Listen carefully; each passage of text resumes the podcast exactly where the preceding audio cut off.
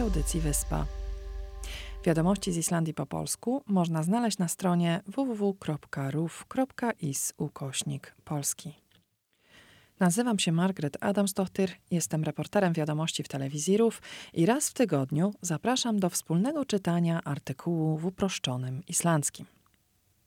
Na stronie internetowej RUF znajduje się sekcja o nazwie Öithskilith Maul, co oznacza uproszczony język.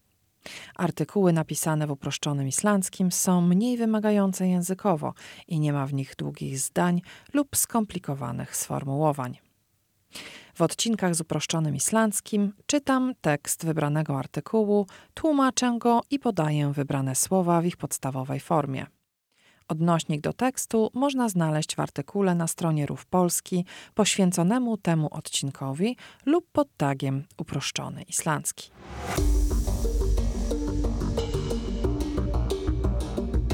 Dzisiejszy artykuł to Wohpnachlie au kasza szwajdyny lengt. Przedłużono zawieszenie broni w strefie gazy. Artykuł przeczyta Ragnar Jón Hrolfsson. Á föstudaginn var gert vopnahlje á gasasvæðinu. Það er á milli Egiptalands og Ísraels austan við miðirahaf. Þar búa palestínumenn. Það hafa verið gerðar miklar árásir á gasasvæðið síðasta mánuð. En það má ekki gera árásir meðan er vopnahlje. Þess vegna er það mjög mikilvægt. Vopnahljeið átti að enda snemma í morgun. Þá var það búið að vera í fjóra daga en í gær var samið um að lengja það um tvo daga. Þess vegna er ennþá vopnallið á gasasvæðinu. Bæði samtökin Hamas sem stjórna gasasvæðinu og yfirvöld í Ísrael hafa sleft fólki úr haldi á meðan er vopnallið. Það hefur líka verið fluttur matur, vatn, liv og fleira á gasasvæðið. Núna er verið að reyna að semja um að lengja vopnalliðið enn meira. Zaczynamy czytanie pod zdjęciem od początku artykułu. Au föstudagen var Gert Wohpnachlie au Gaza Schweideny. W piątek w strefie gazy doszło do zawieszenia broni. Słowo Wohpnachlie to zawieszenie broni. Składa się ono z dwóch słów: Wohp, czyli broń, i chlie, czyli przerwa. Gaza Schweidy to strefa gazy. Það er á milli Egiptalands og Izraels austan við Miðjardarhaf. Leży pomiędzy Egiptem a Izraelem na wschód od Morza Śródziemnego. W tym zdaniu mamy kilka nazw geograficznych. Egiptaland to Egipt, Izrael to Izrael i Miðjardarhaf, Morze Śródziemne. Palestyna to Palestina.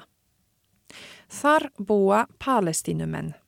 Mieszkają tam Palestyńczycy. Það hafa verið gerðar miklar árasir á gazasvæðið síðasta. W zeszłym miesiącu doszło do wielu ataków w strefie gazy. Árás to atak, najczęściej zbrojny, rzeczownik rodzaju żeńskiego. En það má ekki gera árasir meðan er vopnahlje.